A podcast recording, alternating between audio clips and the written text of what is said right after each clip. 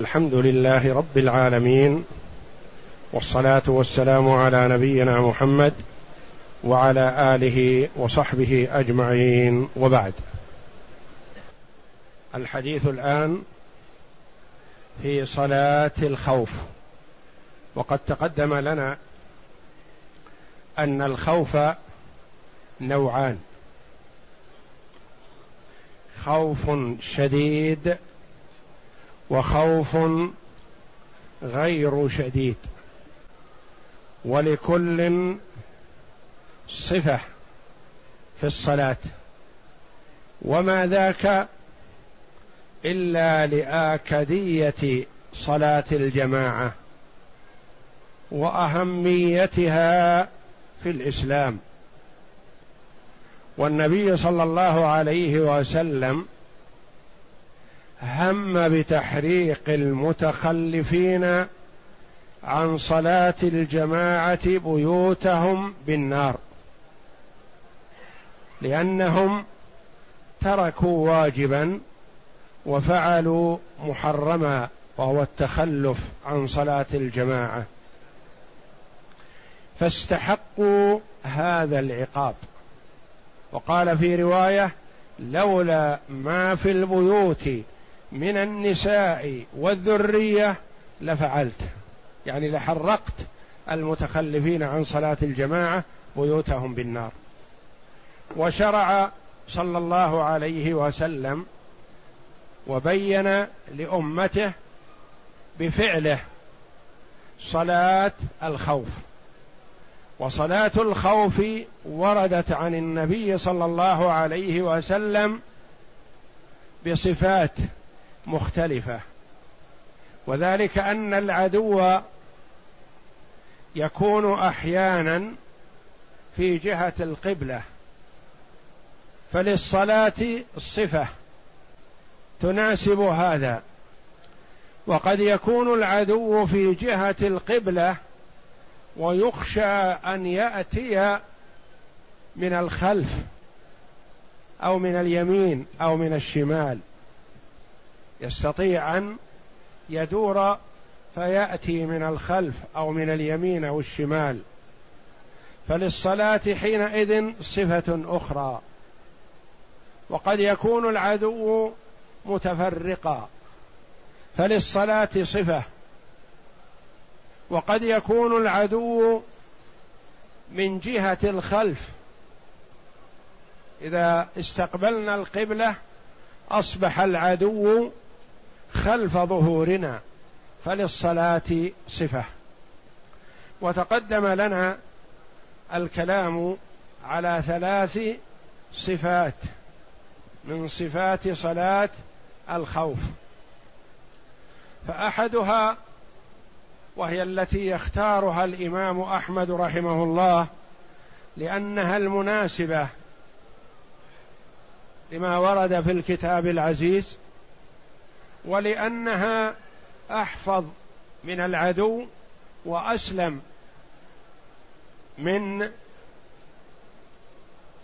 فتكه وإقباله على المسلمين على غرة وهي أن يصلي الإمام بطائفة يقسم الجماعة طائفتين فيصلي بطائفة منهم ركعة.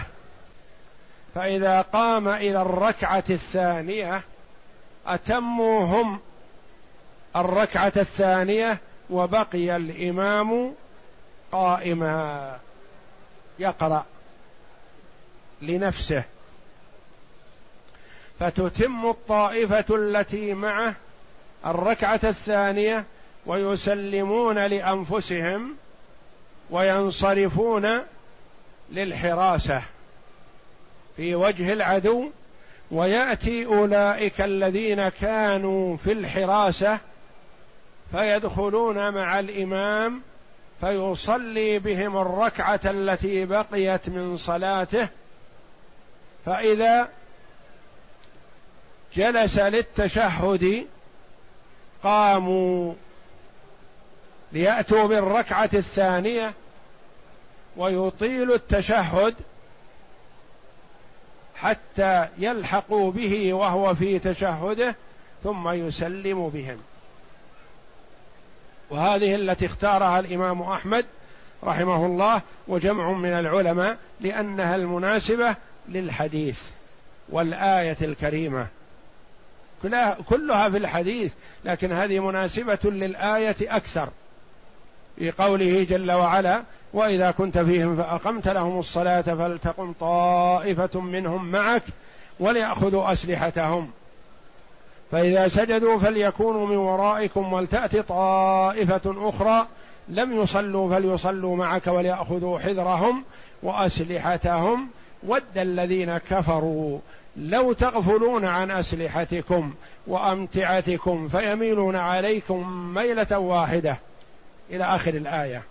فهذه هي أنسب الصفات وهي أوضحها والمأمومون يأتون بصلاتهم كاملة ولا ينصرفون من صلاتهم إلا وقد انتهت. بخلاف ما سيأتينا من الصفة الرابعة فإنهم ينصرفون قبل أن ينتهوا من صلاتهم كما سيأتي. والصفتان الباقيتان الثانية يصلي بالجماعة الأولى ركعتين ويسلم بهم صلاة كاملة. ركعتين لأنهم غالبا ما يكون في حال السفر. ثم يصلي بالطائفة الثانية ركعتين ويسلم بهم. فيكون الإمام صلى صلاتين. الأولى فريضة والأخرى نافلة. والجماعة الذين صلوا معه صلوا ركعتين ركعتين وهو صلى أربع ركعات. الصفة الثالثة أن يصلي بهم أربع ركعات يصلي بهؤلاء ركعتين ويبقى في التشهد ويسلم لأنفسهم ثم يأتي الآخرون فيصلي بهم الركعتين الأخريين قبل أن. ويسلم بهم ولا يسلم بأولئك وإنما يسلم بالآخرين فيكون صلى هو أربع ركعات بسلام واحد والطائفتان كل طائفة صلت ركعتين. الصفة الرابعة الوجه الرابع. نعم. بسم الله الرحمن الرحيم. فصل الوجه الرابع. ما روى عبد الله بن عمرو ما روى عبد الله بن عمر قال قال صلى الله قال صل قال صلى رسول الله صلى الله عليه وسلم صلاة الخوف في بعض أيامه فقامت طائفة معه وطائفة بإزار العدو فصلى بالذين معه ركعة ثم ذهبوا وجاء الآخرون فصلى بهم ركعة ثم قضت الطائفتان ركعة ركعة متفق عليه. نعم. هذا الوجه الرابع والصفة الرابعة من صلاة الخوف. أن النبي صلى الله عليه وسلم كما روى عبد الله بن عمر وهذا في الصحيحين أنه صلى بطائفة وطائفة في وجه العدو صلى بهم ركعة. ثم لما أتموا الركعة الأولى مع الإمام انصرفوا وهم لم يكملوا صلاتهم. وجاء الآخرون ودخلوا مع الإمام. أولئك كملوا لأنفسهم. ثم الإمام صلى بالآخرين ركعة. ثم سلم فقام الآخرون وأتموا لأنفسهم. وهذه فيها أن الطائفة الأولى تنصرف للحراسة وهي لم تكمل صلاتها. ما صلوا مع الإمام إلا ركعة. وانصرفوا قبل أن يسلموا. ليأخذوا مكان الطائفة الأخرى بالحراسة وتأتي الطائفة الأخرى فتصلي مع الإمام الركعة الثانية وهي لهم الركعة الأولى. فإذا سلم الإمام كملوا هم صلاتهم. فهذا ألو... فهذا الوجه جوز أحمد الصلاة به. جوز أحمد رحمه الله والأئمة الصلاة به. لأنه ثابت في الصحيحين عن النبي صلى الله عليه وسلم. نعم. واختار واختار حديث سهل. سهل الذي هو الصفة الأولى. نعم. واختار حديث سهل لأنه أشبه بظاهر الكتاب وأحوط للصلاة وأنكى في العدو. أحوط أولا أنه أشبه بالآية الكريمة. الصفة الأولى. ثانيا أنه أحوط للصلاة أي أن المأمومين يصلون مع الإمام الركعة الأولى ثم يتموا لأنفسهم الركعة الثانية. ثم يأتي الآخرون ويصلون مع الإمام الركعة الثانية وهو ينتظرهم في التشهد ثم يكملون الركعة الثانية لهم ويلحقون مع الإمام بالتشهد فيسلم بهم. فيكون كلا الطائفتين أكمل صلاتها قبل الانصراف. والإمام صلى ركعتين لم يزد عليها كما في الصفة الثانية والثالثة.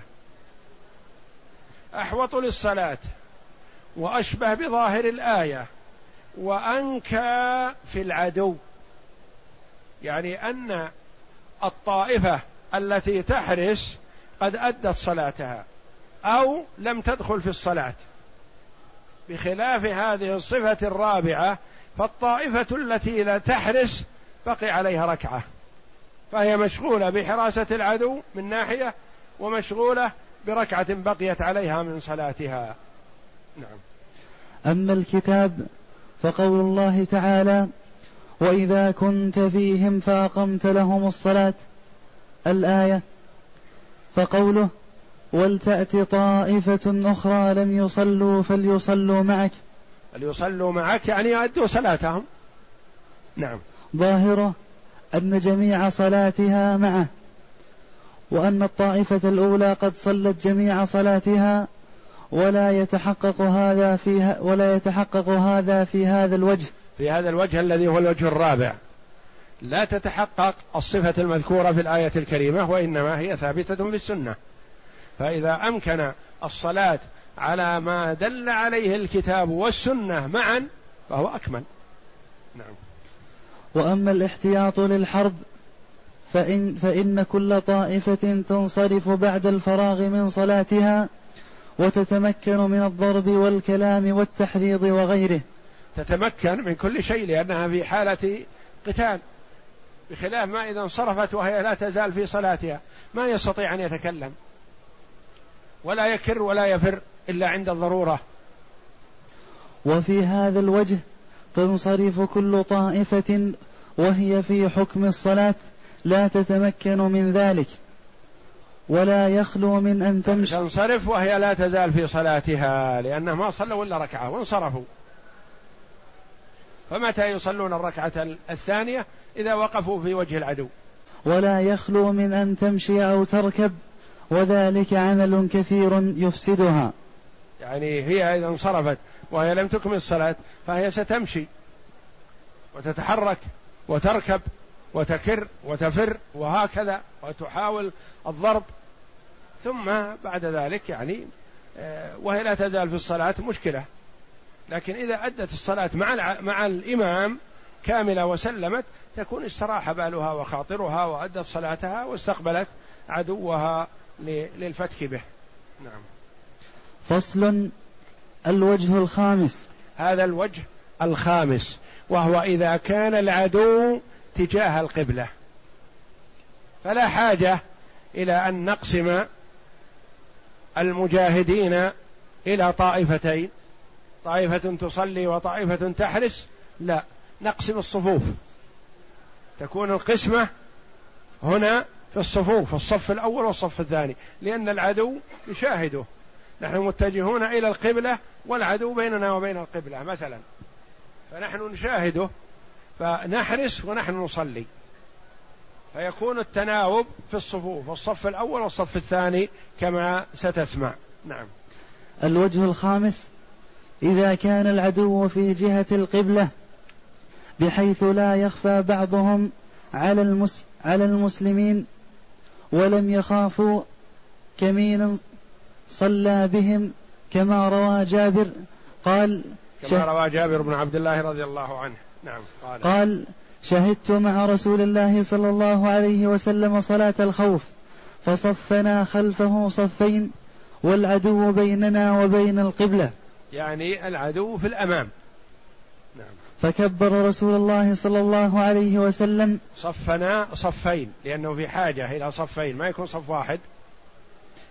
نعم. فكبر رسول الله صلى الله عليه وسلم وكبرنا جميعا. كلاهما كلا الصفين دخل في الصلاة. نعم. ثم ركع وركعنا. ثم ركع وركعنا جميعا لأنه بإمكاننا أن نحرس ونحن راكعون. لأنه شاهد ما أمامنا. لكن يأتي تأتي الحراسة والحاجة إليها حال السجود. نعم. ثم رفع رأسه من الركوع ورفعنا جميعا. ثم انحدر بالسجود والصف الذي يليه. ثم انحدر في السجود وسجد معه الصف الذي يليه فقط. الصف الآخر الخلفي عيونهم شاخصة في العدو. لا يهجم على المسلمين وهم يصلون. وقام الصف المؤخر في نحر العدو. في نحر العدو يعني في وجه العدو وفي مكانه لكنه يشاهد العدو. نعم. فلما قضى النبي صلى الله عليه وسلم السجود وقام الصف الذي يليه انحدر الصف المؤخر بالسجود. وقاموا فلما قام النبي صلى الله عليه وسلم من الركعة الأولى وقام الصف الذي يليه الصف الأول صاروا قيام. يسجد الصف الثاني الذين كانوا لم يسجدوا لأن الحراسة قام بها الصف الأول الآن. فيسجد الصف الثاني يسجدون السجدة الأولى ثم يقومون بين السجدتين ثم يسجدون السجدة الثانية ثم يقومون قيام. صار الصفان قياما الآن. ثم للعدل والإنصاف بين الصفين يتقدم الصف المؤخر ويتأخر الصف المقدم. الصف الأول رجع القهقرة. الصف الثاني تقدموا. ثم عند الركوع في الركعة الثانية كالحال الأولى فيكون الصف الأول ركع سجد مع النبي صلى الله عليه وسلم في الركعة الأولى. والصف الثاني سجد مع النبي صلى الله عليه وسلم في الركعة الثانية. نعم. ثم تقدم الصف المؤخر وتأخر الصف المقدم. ثم ركع رسول الله صلى الله عليه وسلم وركعنا جميعا. تقدموا وتأخروا ثم ركعوا جميعا. نعم. ثم رفع رأسه من الركوع ورفعنا جميعا. ثم انحدر بالسجود. والصف الذي يليه. كان الذي مؤخرا في الركعة الأولى. وقام الصف المؤخر في نحور العدو. فلما قضى النبي صلى الله عليه وسلم السجود وقام الصف الذي يليه انحدر الصف المؤخر بالسجود فسجد ثم سلم النبي صلى الله عليه وسلم وسلمنا جميعا أخرجه مسلم. هذه صفتها واضحة. صلى النبي صلى الله عليه وسلم بالصفين معا وركع بهم معا. حينما هوى ساجدا صلى الله عليه وسلم لو سجد الصفان معا فقدت الحراسة وإنما سجد معه الصف الأول والصف الثاني واقف ينظر العدو لا يهجم على المسلمين. فسجد بالصف الأول السجدتين وجلس بين السجدتين ثم قام قائما قام أهل الصف الأول بالحراسة الآن فيسجد الصف الثاني لأنفسهم.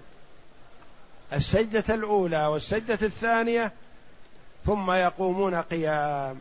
الآن الصفان قائمان.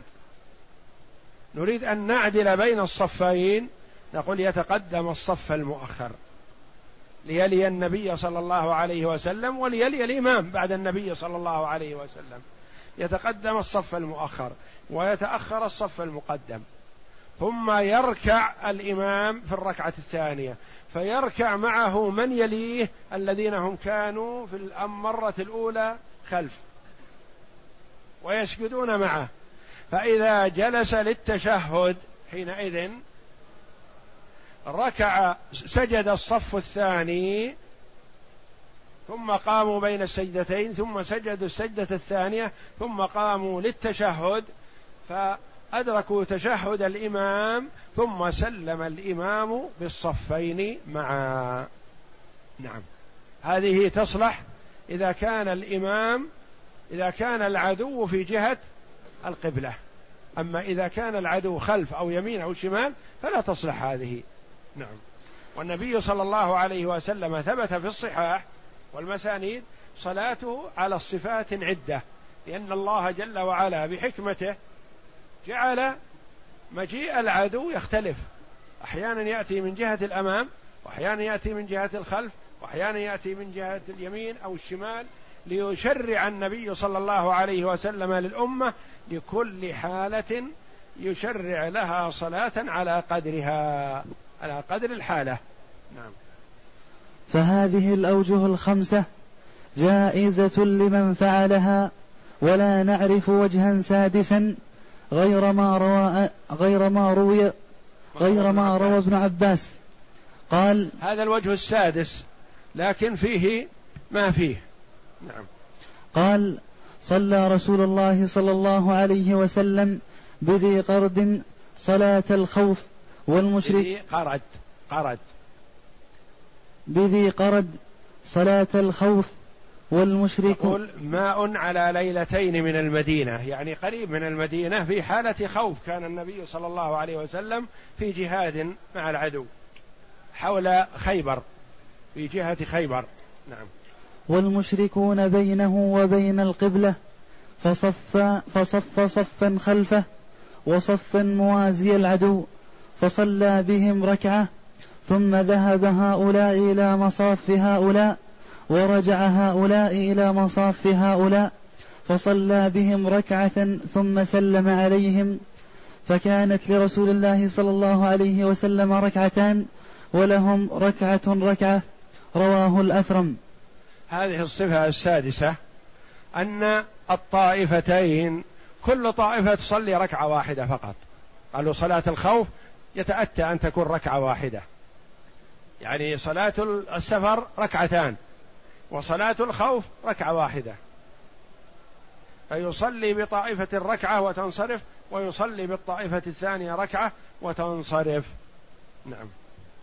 وكلام أحمد. فهو كبر بالطائفة الأولى وسلم بالطائفة الثانية. والإمام صلى ركعتين والمأمومون صلوا ركعة ركعة. نعم. وكلام أحمد يقتضي كون هذا من الوجه الجا من, الوجوه. من الوجوه الجائزة. يعني هذا وارد لأن النبي لأن أحمد رحمه الله ثبت لديه صحة هذه الوجوه الستة. وما دام ثبت صحتها عن النبي صلى الله عليه وسلم فلزم الأخذ بها. نعم. إلا أن أصحابه قالوا لا تأثير للخوف في عدد الركعات فيدل يعني لا ينبغي أن يكون هناك تأثير للخوف في الركعات وإنما تأثير الخوف في صفة الصلاة في صفتها وأما في عددها لا. كأنهم لم يقنعوا بأن صلاة الخوف ممكن تكون ركعة لكن ما دام صحت عن النبي صلى الله عليه وسلم فلا مجال للرأي. نعم. فيدل على أن فيدل على أن هذا ليس بمذهب له. نعم.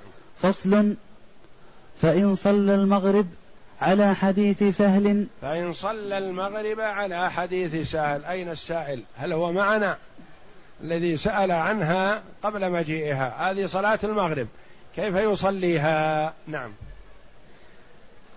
فإن صلى المغرب على حديث سهل صلى بالطائفة الأولى ركعتين وتتم لأنفسها ركعة تقرأ فيها بالحمد لله. وبالثانية فقط. يعني يصلي بالطائفة الأولى ركعتين. ثم يبقى واقفا وهي تتم صلاتها بالحمد فقط. بالحمد لله يعني ما تقرأ معها سورة ثم تسلم هذه الطائفة والإمام واقف. ثم يذهب هؤلاء للحراسة ويأتي أولئك ويصلي بهم الإمام ركعة الباقية من صلاته.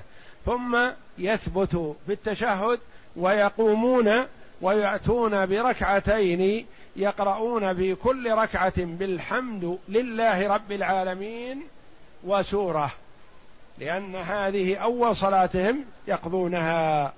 نعم. وبالثانية ركعة وتتم لأنفسها ركعتين تقرأ فيها بالحمد لله وسورة. نعم.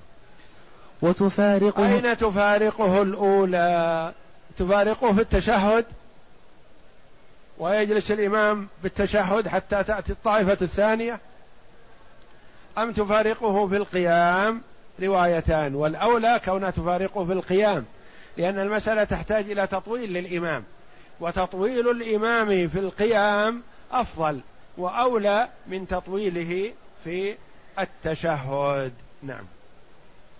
وتفارقه الأولى حين يقوم إلى الثالثة في أحد الوجهين لأن الانتظار في القيام أولى لكثرة ثواب القائم واستحباب تقصير التشهد وفي الآخر تفارقه حين يفرغ من تشهده الأول فتقوم الوجه الآخر قالوا إذا تشهدت الطائفة الأولى قامت والإمام يبقى في التشهد يطيل.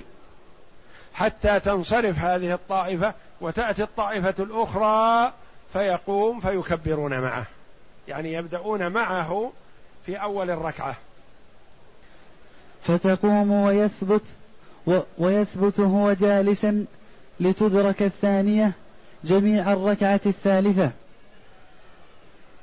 ويطيل ويطيل التشهد حتى تجيء الطائفة الثانية فينهض ثم تكبر الطائفة وتدخل معه.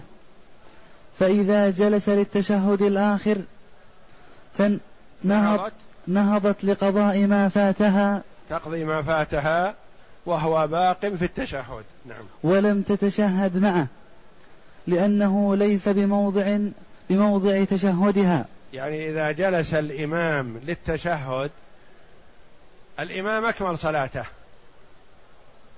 والطائفة هذه بقي عليها ركعتين فلا تتشهد معه لأنها لو تشهدت تكون تشهدت بعد ركعة.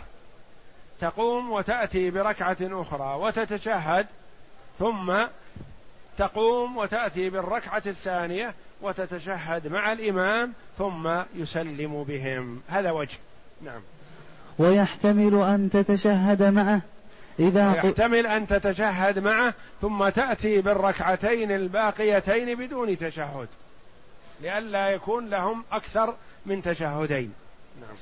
إذا قلنا أنها تقضي ركعتين متواليتين لئلا يفضي إلى وقوع جميع الصلاة بتشهد واحد نعم. فصل وتجوز صلاة الخوف للمقيمين لعموم قوله تعالى وإذا كنت فيهم فأقمت لهم الصلاة. الآية يعني صلاة الخوف الغالب أنها تكون في السفر لأن خروج للجهاد في سبيل الله فيكون العدو أمامهم أو خلفهم أو عن يمينهم أو عن شمالهم فيصلون صلاة سفر وخوف. أو حول البلد يخرجون حول البلد لحراسة البلد من الدخول الأعداء. وهم وبيوتهم ليس بينهم وبينها إلا عدة أمتار. فهذه ليس فيها سفر ولا قصر للصلاة وإنما هي صلاة إقامة وخوف. قال بعض العلماء صلاة الخوف لا تكون إلا في السفر. يقول لا لأن النبي الله جل وعلا قال لعبده ورسوله محمد صلى الله عليه وسلم وإذا كنت فيهم فأقمت لهم الصلاة. في حالة الخوف في أي مكان. أنتم في بلدكم أو خارج البلد فتصلوا صلاة الخوف. فصلاة الخوف كما هي مشروعة في السفر كذلك هي مشروعة في الحضر. نعم. ولأنها حالة خوف فأشبهت حالة السفر. ويصلي بكل طائفة ركعتين وتتم الطائفة الأولى بالحمد لله في كل ركعة والطائفة الأخرى بالحمد لله وسورة وفي موضع مفارقة الطائفة الأولى له وجهان على ما ذكرنا في المغرب يعني إذا كانت الصلاة صلاة خوف وحضر هل تكون ركعتين؟ لا لأن صلاة الخوف لا دخل لها على رأي الجمهور في عدد الركعات. في السفر ركعتان وفي الحضر أربع ركعات. فيصلي صلاة خوف في الحضر أربع ركعات. على صفة الصلاة التي في حديث سهل أين تفارقه الطائفة الأولى؟ القول الأول الوجه الأول أنها تفارقه إذا قام للركعة الثالثة.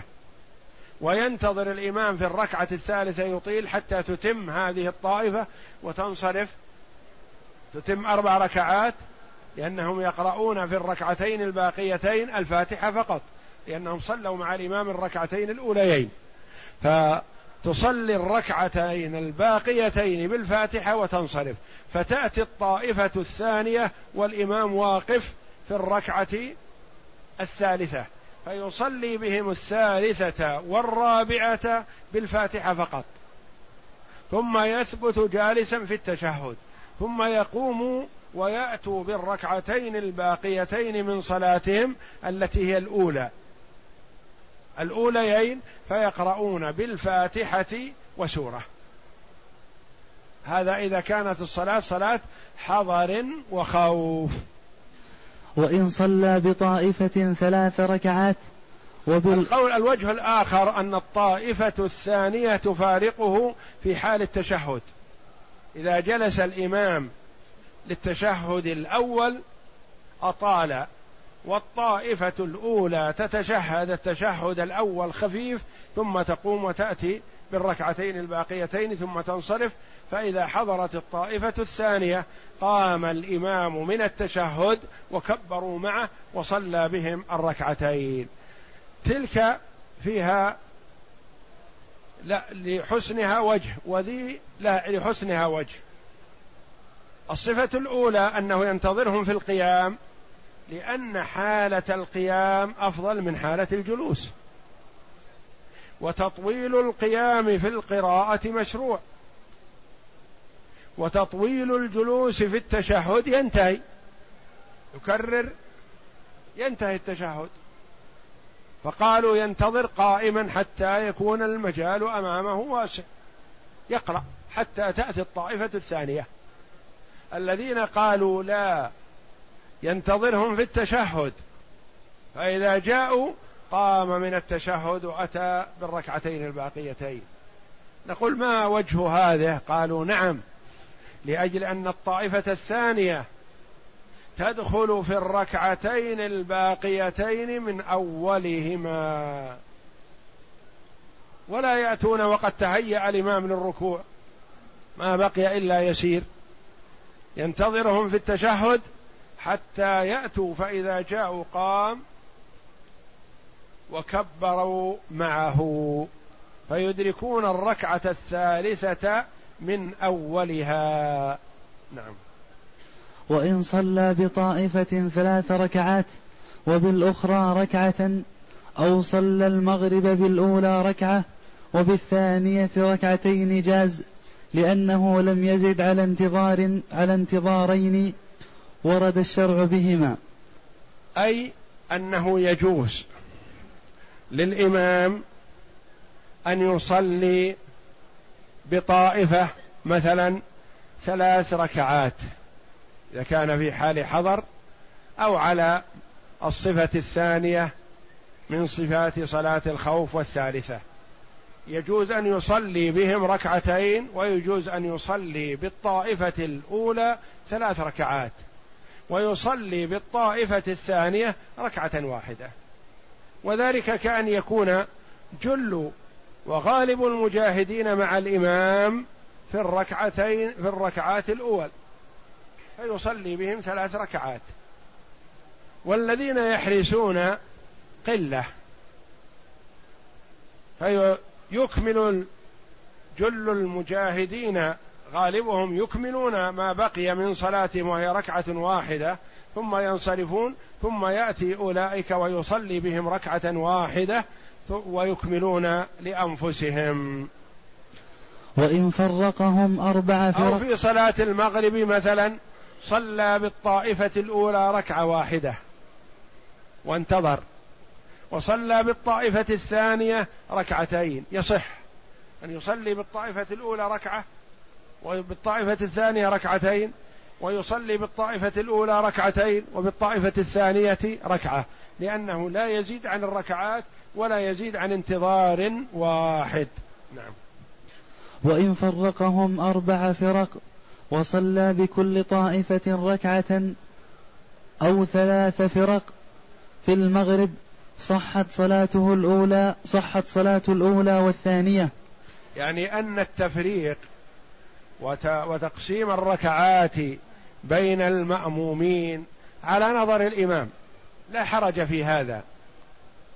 لو جعلهم مثلا أربع فرق وقالوا مثلا فرقة تصلي وفرقة تحرس ما يكفي بل تكون ثلاث فرق تحرس وفرقة واحدة تصلي. فيقسمهم الإمام إلى أربع فرق. يصلي بهذه الفرقة ركعة واحدة ثم تتم لأنفسها وتنصرف. ثم يصلي بالفرقة الثانية ركعة فتكمل لنفسها وتنصرف. ثم يصلي بالفرقة الثالثة ركعة وتتم لنفسها وتنصرف. ثم يصلي بالفرقة الرابعة ركعة وينتظرهم في التشهد ويسلم بهم. إذا كان الأمر يتطلب أن يقسمهم إلى أربع فرق في أربع ركعات صح ويصلي بكل فرقة ركعة. أو في صلاة المغرب يقسمهم إلى ثلاث فرق ويصلي بكل فرقة ركعة. صحت صلاة الأولى والثانية لأنهما فارقتاه لعذر وبطلت صلاة الإمام لزيادته انتظارا لم يرد الشرع بمثله. وصلاة الثالثة والرابعة لاقتدائهما بمن صلاته باطلة. وقال ابن حامد إن لم يعلما ببطلان صلاته صحت صلاتهما للعذر فأشبه من صلى وراء محدث يجهل هو والمأموم حدثه. هذا هو الأقرب ولا تبطل صلاة طائفة من الطوائف لأنهم صلوا صلوا هذه الصفة للخوف والخوف عذر. نعم. فصل. إذا صلى صلاة الخوف من غير خوف لم تصح لأنها لا تنفك من مفارقة إمامه أو تارك متابعته أو قاصر مع أو قاصر مع إتمام إمامه أو قائم للقضاء قبل سلامه وكل ذلك مبطل إلا مع العذر. يعني هذه الصفات صفات صلاة الخوف تجوز في حال الخوف. لو أراد جماعة أن يصلوها في غير الخوف كمثابة تمرين لها مثلا يقول ما صحت لأن هذه فيها مخالفات كثيرة. ما تخلو من مخالفة على أي صفة من الصفات. فلا يصح أن تصلى إلا في وقتها في حالها في خوفها. أما بدون خوف نصلي صلاة الخوف لا. نوضح ونبين لكن لا نصلي صلاتنا الفريضة صلاة خوف من أجل أن نعلم لا. نصلي صلاتنا صلاة أمن واطمئنان. ونعلم بدون أن تكون فريضة. فلا تصح صلاة الخوف إلا في حال الخوف. نعم. وكل ذلك مبطل إلا مع العذر إلا أن يصلي بكل طائفة صلاة تامة على حديث أبي بكر. نعم. فصل. لأن هذه المخالفات كلها أبيحت لأجل العذر فإذا لم يكن عذر فلا وجه لإباحة مخالفة الإمام. نعم. فصل قال أصحابنا لا يجب حمل السلاح في صلاة الخوف لأنه لو وجب لكان شرطا كالسترة. ويستحب أن يحمل ما يدفع ما يدفع به عن ما يدافع ما يدفع به. رحمه الله قال أصحابنا لا يجب حمل السلاح في صلاة الخوف. قولان للعلماء. الله جل وعلا يقول وإذا كنت فيهم فأقمت لهم الصلاة فلتقم طائفة منهم معك وليأخذوا أسلحتهم. فإذا سجدوا فليكونوا من ورائكم وتأتي طائفة أخرى لم يصلوا فليصلوا معك وليأخذوا حذرهم وأسلحتهم. يعني أمر الله جل وعلا بحمل السلاح. فهل السلاح لازم أن يحمل في صلاة الخوف؟ أم لا يلزم؟ ما درج عليه المؤلف ورجحه أنه لا يلزم. قال لأن هذا الأمر ليس أمر إلزام وإنما هو حسب الحاجة. إن كان هناك حاجة حملوا وإن لم يكن هناك حاجة فلا حاجة إلى حمل السلاح. لأن من أمر بحمل السلاح وإن لم يكن هناك حاجة قال هذا واجب حمل السلاح لأنه نص عليه في الآية الكريمة. قال كالسترة. شلون كالسترة؟ يعني كستر العورة. ستر العورة شرط من شروط صحة الصلاة. حمل السلاح في صلاة الخوف هل يصح أن نقول إنه شرط من شروط صحة الصلاة؟ لا. لا يل... الصلاة صحيحة بدون حمل السلاح إذا كان الأمر لا يتطلب. لأنه أحيانا يتطلب الأمر حمل السلاح فيحمل السلاح. وأحيانا لا يتطلب وإنما السلاح مثقل وشاق وقد يكون السلاح مثلا ثقيل ما يستطيع أن يحمله إلا بكلفة ومشقة. فلذا قالوا لا يجب حمل السلاح وإنما حسب الحاجة. نعم. ويستحب وإنما يستحب أن يحمل شيئا يسير كسيف أو سكين أو نحو ذلك من الأشياء الخفيفة أو قنبلة مثلا خفيفة يسيرة مثلا إذا أقبل عليه العدو رماها رماها عليهم ونحو ذلك وهكذا أشياء لا تضايقه وتتعبه في صلاته. نعم. ويستحب أن يحمل ما يدفع به عن نفسه كالسيف والسكين ويكره ما يثقله كالجوشن. الجوشن نوع من أنواع الدروع الحديدية. فإذا كان عليه درع حديدي مثلا شق عليه الركوع وشق عليه السجود وشق عليه الحركة لأنه يصلح ما دام قائما لكن إذا أراد أن يركع ويسجد ويجلس بين السجدتين شق عليه. فلا يأخذ مثل هذا وإنما هذا عند الصلاة يخلعه ويلبسه إذا احتاج إليه خارج الصلاة. نعم. وما يمنع إكمال السجود كالمغفر. كالمغفر. المغفر يمنع يعني ما يستطيع الإنسان يسجد معه سجودا كاملا يمنعه من السجود. فنقول مثل هذا لا يحمله إلا عند الضرورة. لكن إذا لم يكن هناك ضرورة فلا يحمله حتى يتمكن من تأدية السجود. نعم. وما يؤذي به غيره كالرمح متوسطا فإن كان في حاجة. يعني الرمح لا يشق عليه حمله. لكن خطر على من حوله. خطر على من كان أمامه أو من خلفه أو من على يمينه أو شماله. فقالوا لا يحمل مثل الرمح إلا إذا كان في حاشية يعني في طرف الصف. ما حوله أحد يؤذيه بالرمح. نعم. فإن كان في حاشية لم يكره ولا يجوز حمل نجس. نجس. نجس ولا ما يخل بركن الصلاة إلا أن يخاف وقوع السهام والحجارة ونحوها به. ولا يجوز حمل نجس. إذا كان معه مثلا درع أو سيف أو بندقية أو مدفع فيه نجاسة مثلا يقول لا يجوز حمل النجس إلا في حال الضرورة. لكن ما دام لم يحصل ضرورة لا يجوز له حمل شيء نجس وهو في الصلاة لأن المصلي يتحاشى النجاسة في ثوبه وفي بدنه وفي بقعته التي يصلي فيها. نعم. فيجوز للضرورة. ويحس ولا ما يخل بركن الصلاة يعني الشيء الذي لا يستطيع معه الركوع أو لا يستطيع معه السجود أو لا يستطيع معه القراءة من أركان الصلاة هذا لا يحمله في صلاته. نعم. ويحتمل وجوب إلا في حال الخوف فقد أباح الله جل وعلا له كل ما يقي به نفسه. نعم. ويحتمل وجوب حمل السلاح للأمر للأمر به بقوله سبحانه وتعالى وليأخذوا أسلحتهم وقوله تعالى ولا الذين قالوا لا يجب قالوا الأمر هذا للإباحة. يعني أن الله جل وعلا أباح للإنسان أن يحمل ما يدافع به عن نفسه في الصلاة.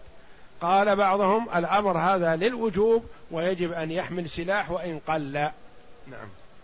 وقوله تعالى ولا جناح عليكم إن كان بكم أذى من مطر أو كنتم مرضى أن تضعوا أسلحتكم فيدل على الجناح. قالوا الآية الأخيرة تدل على وجوب الحمل إلا إذا وجد الأذى فيرتفع الجناح. معناه إذا لم يوجد أذى فيجب الحمل.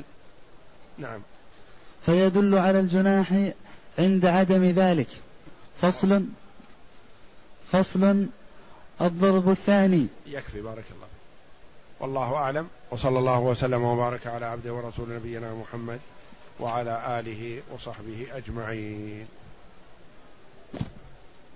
سيأتي إن شاء الله الضرب الثاني الذي هو شدة الخوف لأن الصفات المتقدمة كلها إذا كان الخوف ليس بشديد وهنا الخوف الشديد سيأتي إن شاء الله في الكلام عليه.